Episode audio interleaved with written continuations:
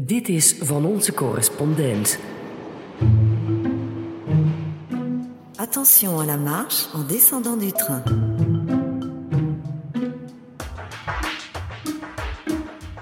Welkom, mijn naam is Stefan de Vries. Ik zit in Frankrijk en vanuit hier praat ik twee keer per maand met mijn collega-correspondenten in alle uithoeken van de planeet.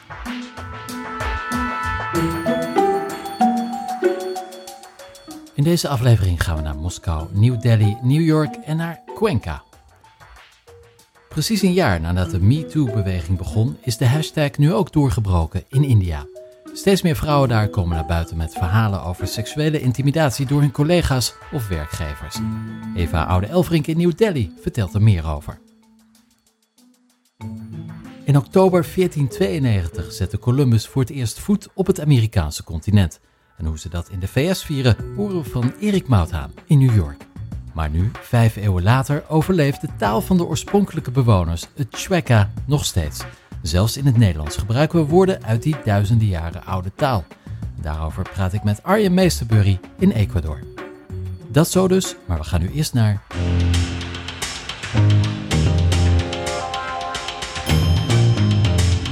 Moskou.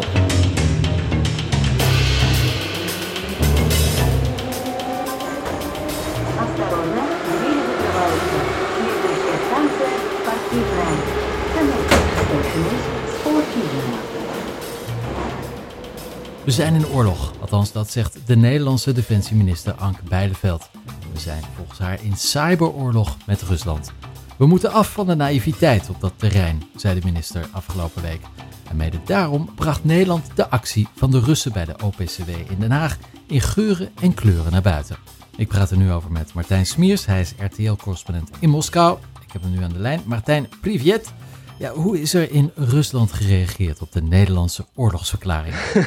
nou, eigenlijk niet. Want ja, het, het is hier nog wel in het nieuws gekomen. Maar als een Nederlandse minister in een praatprogramma dat zegt, ja, dan staat dat niet echt in als een bom. Want Nederland is ook maar een klein landje. Maar kijk, in zijn algemeenheid reageren de Russen nu wel op al die spionageschandalen die we de afgelopen tijd gezien heb, hebben. Ja, eh, officieel ontkennen ze alles. Eh, ze zeggen ja, nee, dit zijn routineklussen. Het wordt opgeblazen eh, om Rusland zwart te maken, om politieke doelen te bereiken. maar ja, Moskou ontkracht de bewijzen daarbij eigenlijk niet. Dus dat verweer ja, vind ik zelf niet heel erg overtuigend. Een andere reactie die je onder de Russen wel eens hoort is van ja, hallo, de Amerikanen en andere westerse landen spioneren ook. Hè, onder Obama werd Merkel ook gehackt en afgeluisterd. Maar alleen de Russen worden ervoor gepakt.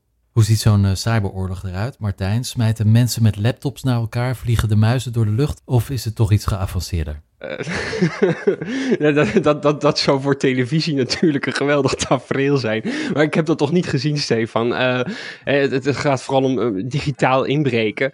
En ja, wie doen dat nou? Ja, we, kennen vooral ook de geheimzinnige hackersgroepen uit Rusland. Fancy Bear, Cozy Bear. Nou ja, het, het, is niet zo dat Rusland allemaal Poetin-fabrieken aan hackers heeft. Ja, er zijn mensen die worden opgeleid door de geheime dienst. Je hebt ook patriotische hackers die eerst gewoon ja, digitaal inbraken, die geld steelden. Maar die zagen dan op het nieuws van verrek. Wij worden hier, wij Russen worden in Georgië en in Oekraïne onder druk gezet. Ik ga mijn land helpen. Maar je hebt daarnaast ook recrutering. En Rusland heeft op zich goede IT-opleidingen. En ja, de meeste jongen die ik daar heb gesproken, die, die hoeven niet zo nodig te gaan hacken voor de geheime dienst. Die vinden het uh, veel leuker om een mooie baan te hebben bij een groot techbedrijf, misschien wel in Silicon Valley. Maar goed, als je bijvoorbeeld een keertje wat digitale kattenkwaad uithaalt, of je breekt in, dan kan je gepakt worden. En dan zeggen, dan zeggen de autoriteiten van ja, je bent er gloeiend bij, maar je hoeft niet de gevangenis in, alleen vanaf nu werk je voor ons. Nou, en dat ze dan bijvoorbeeld in die hackersgroepen terechtkomen, Fancy Beer, Cozy Beer, ja, dat is heel handig, want officieel is dat geen overheid, waardoor Moskou het ook kan ontkennen. Um, bij de operatie in Den Haag was dat trouwens niet zo, want die werd dan weer uitgevoerd door uh, mensen die bij de geheime dienst op de loonlijst stonden. Dus daarbij ging die vlieger niet op. En dat maakt het ook uh, ja, wat lastiger ontkennen voor Moskou. Wat is het doel van de Russen? Wat hopen ze te bereiken met hun acties? We, we weten natuurlijk alleen van de zaken die worden opgemerkt. Hè? Jij en ik zien in het nieuws uh, uh, zaken voorbij komen, waar we, je weet niet uh, wat, wat er verder nog gebeurt achter de schermen. Wat, wat, wat. Maar goed, we, we kunnen wel even een paar hacks langslopen om te kijken van wat doen ze daar nou. Hè? We hebben de OPCW gehad. Um, nou, dat was een, een organisatie die op dat moment in april uh, onderzoek deed naar uh, het, het, vergiftigingsschandaal in Engeland, in Salisbury. Uh, daar werd ook de gifgasaanval in Syrië onderzocht. Het vermoeden is dat de Russen daar een, een informatievoorsprong wilden scoren. Hè, weten, ze, ze, ze, voelen de bij al hangen en ze willen dan weten van goh, waar gaan ze mee komen en kunnen wij daar in de publiciteit op inspelen. Maar ja, dat is ja. dan de OPCW hebt ook andere bekende hacks, bijvoorbeeld de Democratische Partij en het Antidopingagentschap. En toen daar werd ingebroken, scoorden de Russen ook allemaal um, ja, belastende informatie hè, over Hillary Clinton en de partij, uh, hoe dat allemaal ging. En je had natuurlijk ook cyberaanvallen om uh, schade toe te brengen. Um, dat zag je vooral bij Oekraïne, een land waar Rusland in feite eigenlijk in oorlog mee is. Uh, je had dan vorig jaar het Petya-virus. En dat is ja, ransomware, gijzelsoftware. En uh, ja, via Oekraïnse boekhoudpakketten uh, werden allemaal uh, computersystemen door het hele land op slot gegooid. En je zag ook wel dat dat niet was om geld te verdienen. Want als je bij zo'n als je zo'n gijzelvirus hebt, dan krijg je de mogelijkheid om te betalen en weer toegang te krijgen tot je systemen. Maar dat betaalsysteem deed het toen niet.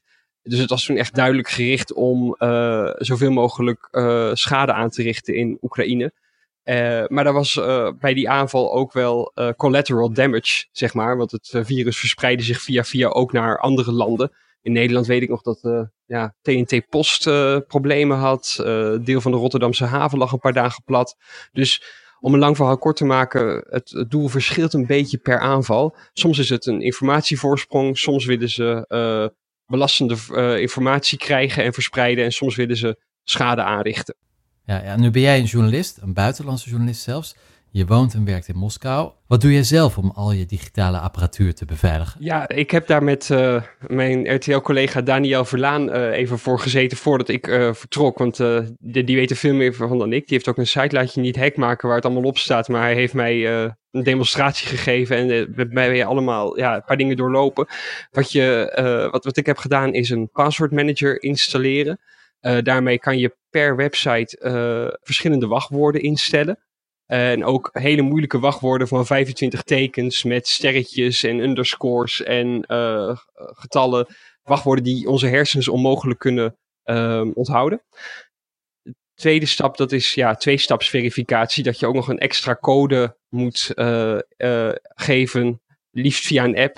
Want um, ja, als je het via een sms laat doen, dan heb je daar in Rusland niet zoveel aan, omdat de Russische geheime diensten ook gewoon de um, uh, sms-verkeer, het sms-verkeer kunnen bekijken. Um, waar ik ook op let is dat ik bijvoorbeeld niet zo vaak via een landlijn bel. Zeker als het gevoelige informatie is, kun je het beter via WhatsApp doen bijvoorbeeld. Want ook uh, ja, zeg maar mobiele telefoongesprekken uh, of naar vaste telefoons, die worden gewoon afgeluisterd. Dat weet je zeker, dat jouw telefoon wordt afgeluisterd? Um, ik kan niet 100% zeker zeggen dat ik, het, dat ik het weet, maar laat ik het zo zeggen, je moet er rekening mee houden dat het gebeurt. Maar in je dagelijkse leven houd jij er dus wel degelijk rekening mee dat je een mogelijk doelwit bent, ook al ben je slechts correspondent voor RTL uit het kleine Nederland? Ja, natuurlijk. Je probeert geen uh, domme dingen te doen. Nee. En zeker als, nee. uh, als ik een onderwerp maak waarbij ik uh, denk dat de, mijn sprekers wat met wat problemen kunnen hebben met de autoriteiten, dan uh, bel ik via WhatsApp en uh, dan uh, heb ik ook via, zeg maar niet via sms'en. Maar um, het, is, het, is niet zo dat ik, denk ik, het, het, meest gewenste doelwit zou zijn. Misschien is dat naïef van mij om te denken, Stefan, maar um, ik ben natuurlijk, ik ben nu niet iemand die allerlei lijken uit de kast haalt. In die zin ben ik misschien ja. iets minder interessant uh, dan bijvoorbeeld journalisten die dat wel doen, die echt op het onderzoek zitten. Um, maar goed, uh, misschien komt dat nog een keer. En um, ja, daarom moet je er eigenlijk wel, nou, moet je er als journalist wel rekening mee houden. Nou, laten we hopen dat de Russische geheime diensten in ieder geval wel naar deze podcast luisteren. Dan komen ze een hoop interessants te weten. Ik dank je wel, Martijn Smeers. In Moskou, spasiba.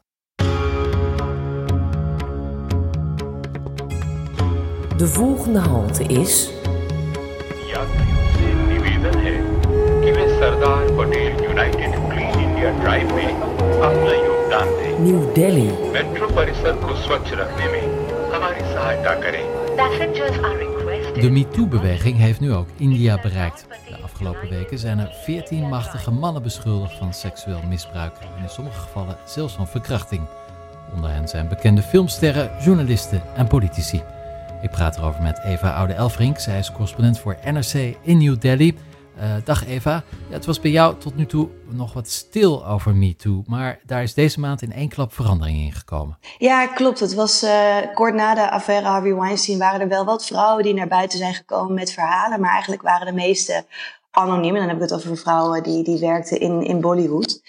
Uh, maar het is voornamelijk stilgebleven. En maar de afgelopen twee weken is die hele discussie volledig, uh, volledig ontvlamd, moet ik zeggen. Wederom door, uh, door een affaire uit, uit Bollywood. Het gaat om een actrice, Tanushree Dutta, uh, Dutta, um, die in 2008 al naar buiten kwam met het feit dat zij tijdens het opnemen van een film um, zou zijn lastiggevallen door haar, haar, haar tegenspeler. Ze zou een solodans moeten doen en die tegenspeler had proberen af te dwingen dat het een, sensuele parendans zou worden. En dat had ze geweigerd en dat is toen uh, enigszins ontploft op de set. Uh, zij trad erover naar buiten toen de tijd. Het is even nieuws geweest. En vervolgens is iedereen het vrij collectief vergeten. Niemand die er nog over sprak. Het had totaal geen effect op de carrière van, van deze acteur. Maar wel op, op haar carrière. Zij kwam daarna vrij moeilijk aan de bak. En is uiteindelijk ook naar de VS vertrokken. Um, en afgelopen zomer was ze weer even in India. En werd ze geïnterviewd door een tijdschrift. En uh, de journalisten vroeg haar van, goh, maar hoe komt het toch dat het in India niet, van alle landen, dat het in India niet tot een MeToo-affaire uh, is gekomen, of een MeToo-beweging? En toen zei zij van, ja, zolang we niet kunnen praten over wat er in 2008 met mij is gebeurd, ja, dan gaan we geen MeToo-beweging krijgen. En die, uh, dat interview en oh, specifiek die quote, die is viral gegaan en heeft tot nou ja, een enorme discussie geleid op sociale media. Er zijn een aantal Bollywoodsterren uh, bekende Bollywoodsterren, waaronder uh, Priyanka Chopra, nou zij is eigenlijk meer van Hollywood tegenwoordig, die, um, die haar gesteund hebben. Maar ze kreeg ook veel kritiek. En ik denk dat dat misschien de, de laatste trigger is geweest van vrouwen die nou, uh, Indiase vrouwen die al een maand of een jaar nu kijken naar wat er wereldwijd gebeurt. Vrouwen die zich uitspreken naar buiten zijn getreden um, en dachten het is klaar. Dus daar heeft, het begon met één Twitterbericht van een journaliste die veel over comedy schrijft. Die omschreef hoe een bepaalde comedian, nou ja, eigenlijk gewoon een, uh, een, een, pervert is, zo noemden ze het. Dat hij haar foto's van zijn geslachtsdeel had ge-sms. Dat zou je ook bij andere meisjes hebben gedaan. En na dat meisje, na deze journaliste, volgde opeens het een naar de ander. de een naar de andere vrouw met haar verhalen. En de meeste gaan eigenlijk over uh, journalisten. Of de meeste vrouwen die naar buiten komen zijn journalisten. En de meeste daders ook. Of de, de mannen waarover zij spreken waren hun collega's en senioren binnen, binnen grote nieuwsbedrijven. Um, maar inmiddels begint het zich steeds verder uit te breiden. Dus van mensen uit de adverteerderswereld tot uh, juristen. Het, nou ja, het, het, het, het, het het lijkt nu echt te zijn ontvlamd. En veel slachtoffers, zeg je, zijn journalisten. Die hebben natuurlijk wat makkelijker toegang tot de media. Maar hoe staat het met de Indiase maatschappij? Ontstaat daar nu het besef dat op een andere manier met vrouwen omgegaan moet worden? Of beperkt MeToo zich nu nog tot de bovenlaag? Het is het topje van de samenleving uiteindelijk, want het zijn de discussie speelt zich nu eigenlijk hoofdzakelijk af op Twitter. En ik moet zeggen dat de mediabedrijven, de kranten, de, de televisiezenders, die, ook degene die worden geraakt door deze affaire, waar het gaat om hun eigen mensen, die pakken dit wel heel goed op. En die, die zijn hier um, vrij open over aan het berichten. Er zijn ook interne onderzoeken uh, ingesteld. Maar het is natuurlijk wel een bepaald deel van de samenleving die zich nu zo laat, laat horen. Um, en het is de vraag in hoeverre het uiteindelijk echt echt zich nog veel verder gaat uitbreiden. Maar het is, uh, het, het, het is een belangrijke verschuiving. Het is iets wat vrouwen natuurlijk. De Indiase samenleving is al heel lang um, aan het, natuurlijk aan het, aan het veranderen. En, en met name de rol die vrouwen daarin hebben. Vrouwen worden mondiger, vrouwen zijn hoog opgeleid. Je ziet ze overal in het bedrijfsleven hun posities innemen. En die, ja, die bedrijfsstructuren zijn nog heel hiërarchisch. Patriarchale samenleving voel je nog overal. Ehm, en daar hebben die, deze vrouwen botsen daar nu al zo lang tegenaan. En dat komt er nu uit. En hopelijk, hopelijk blijft het dus niet bij, nou ja, wat, wat een kortstondige, uh, kortstondige uh, protestbeweging kan zijn. Maar hopelijk heeft het inderdaad echt blijvend effect. Gaat het ook blijvend effect hebben op nou ja, nieuwsredacties en in, in rechtszalen. En uh, nou ja, ieder kantoor, kantoorpand waar, waar, dit, ja, waar dit soort ja, soms kleinschalig, soms grootschalig misbruik plaatsvond. Hoe gaan mannen over het algemeen met vrouwen om? Zijn ze macho, uh, handtastelijk? Is er veel seksuele intimidatie? Nou ja, er is, er is niet echt één, één verhaal over de Indiase man en hoe hij zich tegen vrouwen gedraagt. Maar um, Indiase mannen hebben natuurlijk wel een, een bepaalde reputatie opgebouwd waarin uh, vrouwen uh, nou ja, één, als minderwaardig worden gezien en twee, eh, als snel als lustobject worden behandeld. En dat is ook een beetje de, de tendens in de verhalen die je terugziet, die nu naar buiten komen. Het zijn echt niet allemaal verkrachtingen of, um, nou ja, echt, echt zware misbruikzaken, maar ook het feit dat de hoofdredacteur van een krant bijvoorbeeld een, een, jonge stagiair uitnodigt op zijn uh, hotelkamer om nou ja, flexibele uren te bespreken. Vervolgens begint te praten over zijn huwelijk, dat niet goed gaat. En op zo'n manier een situatie creëert waarin een stagiair zich ontzettend niet op haar gemak voelt. Of nou ja, opmerkingen over het uiterlijk van, uh, van vrouwelijke collega's, daar denigrerend over doen. Het is, uh, ja, ik, ik, kan er, ik, kan er niet, eh, ik, ik, kan niet zeggen dat er één, uh, één soort van misdraging is, maar... Heb je zelf wel eens iets negatiefs meegemaakt met mannen in New Delhi? Nee, nog niet. Maar ik probeer dat soort situaties ook redelijk uit de weg te gaan. In mijn geval is dat, dat ik heel erg oppas als ik bijvoorbeeld s'avonds, s'avonds laat naar buiten ga... of als ik in bepaalde uitgaansgebieden ben. Dat je, nou ja, je, je, je moet wat alerter zijn. Ja. En je vriendinnen? Ik heb, ik heb veel, uh, veel van mijn Indiase vrienden zijn, zijn journalisten. Via met name de vrouwen hoorde ik al voordat deze, voordat deze MeToo-affaire losbarstte, heb ik al dit soort verhalen gehoord waar ik echt met mijn verstand niet bij kon. En een goede vriendin van mij die vertelde hoe zij, um, nou ja, eigenlijk tot nu, en dat, dat, dat gaat een paar jaar terug al, consequent werd gestalkt door een collega van haar op de nieuwsredactie. Die um, uh, verantwoordelijk was voor, een, voor hoe haar verhalen gepresenteerd zouden worden. En die maar weigerde uh, om, met haar, om haar werk af te maken. Omdat zij niet inging op zijn avances. En zij daar meerdere malen klachten over had ingediend. Dus eigenlijk van de leiding kreeg van laat het gewoon maar gaan, het gaat wel over. Nou ja, zij is daar al jaren weg en het is nog steeds niet over. Hij, zit, hij stalkt haar nog steeds. En het, dat is een beetje de, uh, ja, de cultuur waar, uh, waar deze vrouwen nu echt van af willen. En misschien dat het dan eindelijk verandert met deze journalisten die wel naar buiten durven te treden. Uh, hoe zeg je eigenlijk me too in het Hindi? Oh, dat durf ik je niet te zeggen. of gebruik ze gewoon de MeToo hashtag? Ze gebruiken, ja, ja, ja, ze gebruiken allemaal de MeToo hashtag. Oké, okay, goed. Dankjewel. Even oude Elfrink in India.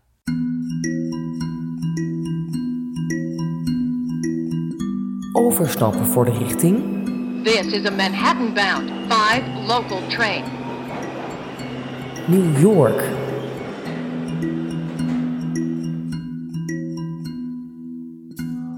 Het is deze maand 526 jaar geleden dat de Genoaan Cristoforo Colombo voet zette op Guanahani.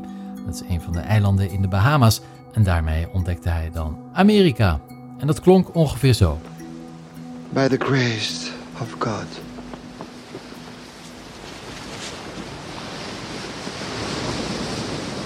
In the name of their gracious majesties of Castilla and Aragon.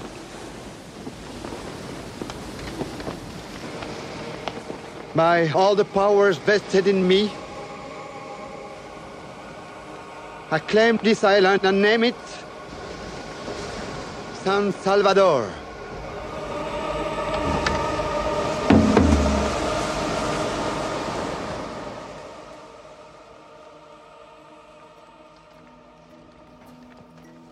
Althans, uh, dat is uh, een Columbus die verdacht veel lijkt op uh, Gérard Depardieu in de film Conquest of Paradise uit 1992. Maar goed, nu 526 jaar geleden dus. En ja, daar sta ik graag even bij stil. Um, in grote delen van Noord- en Zuid-Afrika is 12 oktober een vrije dag. Um, maar ook een feestdag die steeds minder gevierd wordt en soms zelfs al is afgeschaft. In de Verenigde Staten, waar Columbus trouwens nooit is geweest, is de dag omstreden. En daar praat ik over met Erik Mouthaan. Hij is correspondent voor RTL Nieuws in de VS. En ik heb hem nu aan de lijn. Um, ja, Erik, bij jou wordt Columbus Day, dat is meestal op 12 oktober, wordt dat ook gevierd? Ja, het is voor heel veel mensen een vrije dag. Uh, veel mensen die voor de overheid werken hebben een vrije dag. Heel veel bedrijven dan weer daarentegen weer niet. En er zijn in heel veel steden uh, zogeheten parades. Uh, waarbij op straat gelopen wordt en Columbus vereerd wordt. Maar dat is heel omstreden aan het worden hier in de VS. Ja? Wat, wat is de kritiek dan op die Columbusdag? Nou, er zijn zelfs mensen hier in New York bijvoorbeeld die vinden dat de standbeelden van Columbus verwijderd moeten worden omdat, uh, en dat is vergelijkbaar met de beweging om standbeelden te verwijderen van mensen uit de burgeroorlog die in de kant van slaaf voor slavernij vochten. Die mensen zeggen dat Columbus het symbool is van een genocide op inheemse volkeren. Dat hij niet eens de ontdekker van Amerika is, want hij heeft nooit voet op grond gezet uh, aan het vasteland van de Verenigde Staten. Uh, en daar waren trouwens ook vikingen eerder en zo. Dus en bovendien woonden er al mensen, dus je kan niet iets ontdekken als er mensen wonen. Maar het gaat vooral hen om het feit dat Columbus, uh, Columbus uh, heel veel mensen zou tot slaaf gemaakt zou hebben. En uh, verantwoordelijk zou zijn geweest voor de dood van tienduizenden, mogelijk honderdduizenden mensen inheemse volkeren. Dus het is omstreden. Is dat iets recents of, of is dat altijd al zo geweest? Dat is echt van de laatste tijd. Het was iets dat uh, uh, vooral onder inheemse Amerikanen, de Indianen, zoals ze vroeger werden geheten, de inheemse volkeren, de Native Americans, die hebben altijd al gezegd van ja, dat, die hele viering van die Columbus, waar gaat dit over? Dit was het begin van de periode waarin wij ja, uitgemoord werden. Dus wij vieren niks. Ja, um, en de laatste tijd natuurlijk, hè, gezien ook die discussie over standbeelden, wordt anders gekeken naar het verleden, vooral door zeer linkse mensen, is dat opgekomen. Nou, er is bijvoorbeeld hier in New York een onderzoek geweest van de burgemeester. Moeten we iets doen? Hier beroemd op de hoek van Center Park Columbus Circle met een groot standbeeld van hem. Nou, heeft die commissie gezegd dat standbeeld blijft gewoon staan, maar we moeten wel meer aandacht komen voor inheemse volkeren en, de, en ook de negatieve kanten van Columbus. Niet alleen maar vereren, maar wel uh, um, ook het hele verhaal vertellen. La, hij was natuurlijk Italiaan van oorsprong, Columbus. Die Italiaanse Amerikanen hebben zoiets van: wat krijgen we nou zeg? En nu moet je ophouden met je politiek correcte gezeik. Die man is een held. Is een ontdekker van Amerika 1492. Houd toch op. Ja, dus de Amerikaanse Italianen die gaan wel uh, de straat op uh, op Columbus Day in, in Little Italy, in, in Manhattan. Ja, nog veel feller gaan ze de straat op en zeggen: Dit is onze. Je moet je handen afhouden van onze, uh, van onze helden. En ze zeggen: Kijk, uh, je, moet, je moet dingen ook wel in hun tijd bekijken. We kunnen niet met de blik van nu naar alles in het verleden kijken en zeggen: ja, maar toen vond jij dit of vond je dat. Ja, maar zeggen andere mensen, maar dat is, dat is, dat heel erg makkelijk. He, die halen het voorbeeld aan. Hij, hij landde op Haiti. En daar woonden toen, uh, toen hij daar aankwam 250.000 uh, mensen van een inheems volk. En die waren bijna allemaal uitgemoord binnen, binnen een eeuw. En hij had ze zogenaamd allemaal slaven gemaakt volgens sommige verhalen. Dus die mensen zeggen, ja, het is, je, je, we moeten gewoon daar een beter beeld over krijgen. Maar ik denk dat Columbus Day voorlopig nergens heen gaat in Amerika. Nee, nee. Je zei net, Columbus is helemaal nooit in het gebied geweest dat nu de Verenigde Staten heet. Maar de kolonisten, en dan met name de Britten, die hebben natuurlijk de Native Americans uitgemoord. Jij gaat regelmatig naar de, de gebieden, de oude Indianengebieden, zeg maar. Mm -hmm. Naar de reservaten yeah. met de Native Americans. Uh, ik zag laatst een goede film, Wind River. Ik weet niet of je die gezien hebt. Prachtig, ja. ja. Ja, dat is een thriller in een reservaat. En dat gaf eigenlijk een heel treurig beeld van de sociale omstandigheden van de, van de oorspronkelijke stammen. Ja. Uh, hoe is het daar als je daar komt? Nou, het is echt heel arm en schraal. Het is ook letterlijk, ze zijn naar de gebieden geduwd waar zeg maar niemand, geen enkele uh, pionier zich wilde vestigen. Dus alle uh, goede terreinen met, met, met rivieren en, en goed uh, land, dat, dat hebben ze allemaal niet meer. Dus ze zitten voor een deel in het land waar sommige van hun stammen van oudsher zaten. En voor een deel zijn ze echt gewoon steeds verder uit het bewoonde gedeelte geduwd in de 19e eeuw. De grens van Amerika trok steeds meer naar het westen. En iedere keer werden die Indianenstammen steeds verder geduwd, gemarginaliseerd. Er zijn heel veel mensen gestorven door, door oorlogen die ze met uh, de blanken hebben gevoerd, maar ook door ziektes die verspreid werden, alcoholisme. Um, er zijn onderzoekers die zeggen dat mensen gewoon minder goed, uh, bijna genetisch uh, om kunnen gaan met, met alcohol. Er zijn grote problemen. Er is heel veel armoede. Er is voor een deel zelfbestuur in de regio. Ik heb een keer een verhaal gemaakt over presidentsverkiezingen voor de Navajo Nations, de Navajo-Indianen. Dus die houden ook verkiezingen en die proberen ook te onderhandelen met, um, uh, met de, de, zeg maar de overheden waar ze onder vallen. Want de Navajo Nation is dus een soort zelf, zelfbestuurgebied.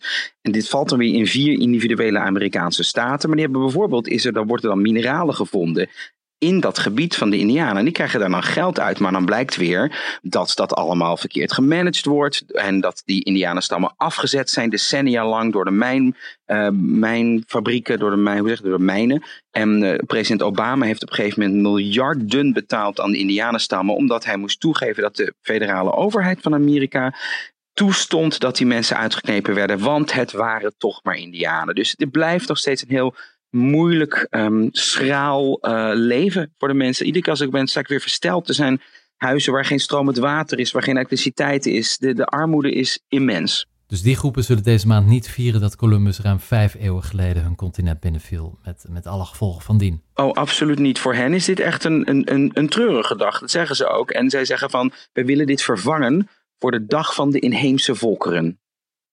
Dank je, Erik Moutaan in New York. En van Noord-Amerika gaan we naar Zuid-Amerika. Daar spreekt iedereen Spaans, althans uh, iedereen. Een kleine taal blijft moedig weerstand bieden aan de overweldigers. En ja, welke taal dat is, dat horen we van Arjen Meesterbury in Ecuador. Dag Arjen, je bent correspondent voor NSC en Business Insider. Je woont in Cuenca, je spreekt Spaans daar natuurlijk. Maar er is nog een andere officiële taal in, in jouw regio, in de Andes. En die heeft weten te overleven, ondanks de Spaanse invasie in 1492. Uh, vertel daar eens over, Arjen. Ja, dat is het uh, Quechua of het Quichua. Dat is een, uh, een taal die in Peru is ontstaan al duizenden jaren geleden. En je nu anno 2018 nog steeds door meer dan 10 miljoen mensen gesproken wordt. Hier in mijn Ecuador, maar vooral ook in, in Peru en Bolivia. En dat gebruiken mensen ook echt in het dagelijks verkeer of is het beperkt tot de familiekring? Nou, kijk, het, echt het, de native speakers, hè, dus de mensen die dat echt van jongs af aan geleerd hebben, die vind je vooral echt in uh, kleine dorpjes en dorpsgemeenschappen uh, in de jungle of uh, heel hoog in de bergen. Um, maar gewoon ook in steden zijn er wel mensen die, die onderling nog die taal spreken. En wij hebben hier in het Spaans allemaal heel veel woorden uit het, uit het Quichua. die ook gewoon heel erg ingeburgerd zijn in het, in het dagelijks taalgebruik. Geef eens wat voorbeelden. Nou, we hebben uh, het woord voor kater bijvoorbeeld, is chuchaki. Uh, ja, dat is wat ik geleerd heb toen ik hier de eerste keer in Ecuador kwam en de eerste keer ook een kater had. Dan iedereen lachen, chuchaki, chuchaki. Ik denk, wat zeggen zij nou, uh, zij nou tegen mij? En sindsdien heb ik dat woord eigenlijk altijd gebruikt, de enkele keren dat ik een, een kater heb. En ik realiseerde me in één keer, toen ik dit gesprekje even aan het voorbereiden was, dat ik niet eens wist uh, wat het Spaanse woord is uh, voor kater. Dat moest ik uh, gisteren echt eventjes, eventjes vragen aan mijn, aan mijn Ecuadoraanse vrouw. Ja, en er zijn wel meer woorden die hier er, er door, doorheen gaan. Er is een woord, zeg maar, wat voor kinderen, wawas, dat is iets zoals we in het Nederlands coaches of iets dergelijks, dergelijks zouden zeggen. Er is bijna niemand die gewoon het Spaanse woord voor kinderen gebruikt, hijos. Bijna iedereen zegt mis wawas, mijn kinderen. Wordt het ook geschreven of is het alleen gesproken, omdat het al zo'n oude taal is? Nou, van oorsprong is het inderdaad alleen uh, oraal. Dus het is alleen een, een gesproken taal. Uh, maar vanaf de 17e eeuw, 18e eeuw zijn mensen ook begonnen met het, met het vast te leggen. Omdat het toen ook veel meer in officiële communicatie het, het werd gebruikt. Maar dat is ook een officiële taal. hier in Ecuador, maar ook in, in Bolivia en Peru is het erkend als een officiële taal. Waar ook communicatie in gebeurt. Dus als ik bijvoorbeeld inlog op, op internet, internetbankieren van mijn Ecuadoraanse bank hier dan krijg ik drie opties. Het Spaans, Engels of in het, uh, of in het Quichua. Dus, uh, dus in die zin uh, leeft de taal ook nog wel hoor. Is er strijd tussen de twee talen Spaans en Trekka? Nou kijk, in de algemeenheid worden Indianen nog steeds helaas op een hele racistische manier als minder gezien, als dom. dus op die manier wordt ook het Quechua zelf als taal wordt als minderwaardig beschouwd door een hele grote, grote groep Spaanstalige mensen in, in Ecuador. Er wordt dus een beetje op neergekeken, maar toch is de taal ook uh, actueel en, en er wordt zelfs in gezongen.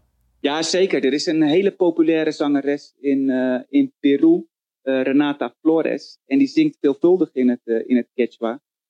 die doet allerlei koffers van grote artiesten als Michael Jackson of Alicia Keys. En dan vertaalt ze dat Engels gewoon in het, in het Quechua, omdat het volgens haar zo mooi en poëtisch klinkt.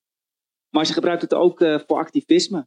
Bijvoorbeeld eh, om aan te haken op de huidige uh, MeToo-discussie, heeft zij een uh, aanklacht tegen seksueel geweld gezongen, helemaal in het Quechua, zodat ook in die lokale gemeenschappen, die het Spaans misschien wat minder machtig zijn, eh, dat er daar aandacht is voor seksueel wangedrag en seksueel misbruik. Dus zelfs MeToo dringt door tot de oorspronkelijke bevolking, de inheemse stammen van de Andes. Tot slot, welke woorden kennen we in het Nederlands die uit het Quechua komen, zonder dat we dat eigenlijk uh, weten? Um, ja, dat uh, geldt vooral voor allerlei dieren uh, die hier in de Andes voorkomen. Lama is een, is een hele bekende. Ah. De condor, dat is een woord dat echt uit het, uit het Quechua komt. Puma is een woord wat we kennen. En dan verder ook nog eentje voor de, voor de drugsgebruikers onder ons. Coca, cocaïne, de coca-plant. Dat echt een, een, een eeuwenoud gewas. En dat is echt een, echt een woord. Ja, ik las ook dat er een woord is dat de hipsters misschien wel kennen. Quinoa. Ah, ja, ja, ja, inderdaad. Dat is ook een, ja, een graansoort die erg, erg populair is. Ook eeuwenoud gewas hier, hier in de Andes. quinoa, uh, wordt inderdaad uh, ook, uh, ook in Nederland nu veelvuldig gebruikt door, door de hipsters. Zo zie je maar, Quechua. Millennia oud, maar toch heel hip. Dankjewel, Arjan Meesterbury in Ecuador.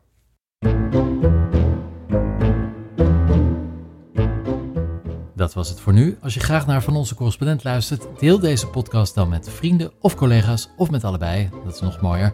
Uh, of laat een review achter op iTunes. We sluiten af met een, uh, een grote hit ergens ter wereld. Daarnet hadden we het over Renata Flores uh, uit Peru. Die scoort goed in die regio met het nummer Tijeras over geweld tegen vrouwen.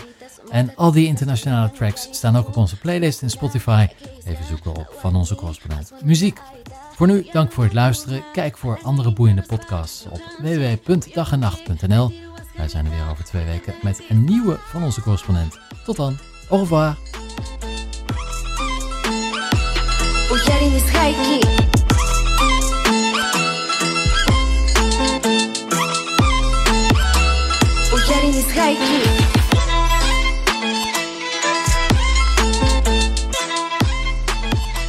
Dit was van onze correspondent. U bent aangekomen op uw bestemming. Please remember to check out